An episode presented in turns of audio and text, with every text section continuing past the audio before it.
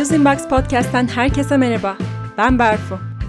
7. bölümle karşınızdayız ve bu bölümün konusu GDPR dediğimiz Avrupa'nın kişisel verileri koruma yasası. GDPR'ı genel itibariyle biraz incelediğimizde 3 hedefi olduğunu görüyoruz. Birincisi Avrupa veri güvenliği düzenlemelerini standartize etmek. İkincisi vatandaşlara kendi kişisel verilerinin nasıl kullanılacağına dair kontrol vermek. Ve son olarak şirketlerin kişisel verileri ilgilendiren konulardaki sorumluluklarının farkında olduklarından emin olmak. Kimleri kapsadığına gelirsek, GDPR yalnız Avrupa kaynaklı işletmeleri değil, Avrupa vatandaşlarına gönderim yapan herkesi kapsıyor. Eğer veri toplama ve işleme faaliyetiniz içinde Avrupa vatandaşları da yer alıyorsa, kanunun etki kapsamındasınız demektir. GDPR'ın uygulamaya konduğu tarih 25 Mayıs 2018. O günden itibaren iş sahiplerinin veri toplama ve işleme faaliyetlerini düzenlemiş şekilde devam etmiş olması bekleniyor. Peki GDPR neleri değiştirdi? İlgili kişilere, yani verinin öznesi olan kişilere daha fazla erişim ve kontrol hakkı verdiğini söyleyebiliriz. Kişisel veri ve izin tanımları sıkılaştı ve verilerin nasıl kullanıldığının açıklanması konusunda da şeffaflığın artırılması söz konusu.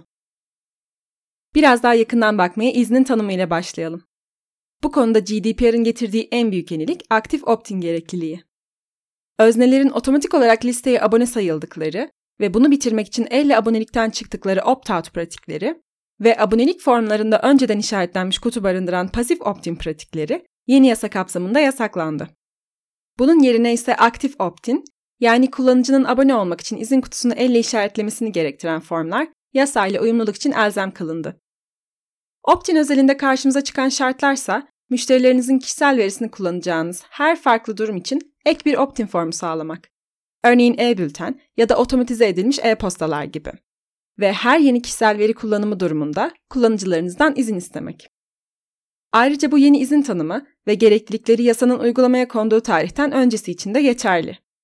Geçtiğimiz Mayıs ve öncesindeki süreçte aboneliğimizi onaylamamız için e-posta adresimize gelen pek çok iletinin sebebi de işte buydu.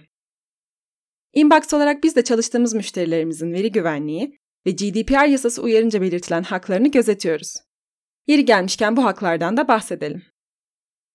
1. Düzeltme hakkı. Veri sahibi kişisel verilerinin güncellenmesini ve düzeltilmesini talep edebilir. 2. Unutulma hakkı. Veri sahibi kişisel verilerinin kalıcı olarak silinmesini talep edebilir. Üçüncüsü taşınabilme hakkı. Veri sahibi kişisel verilerinin başka bir organizasyon ya da rakibe gönderilmesini talep edebilir. 4. İtiraz hakkı. Veri sahibi kişisel verilerinin spesifik şekillerde işlenme ya da kullanılmasına itiraz edebilir. Ve son olarak erişim hakkı.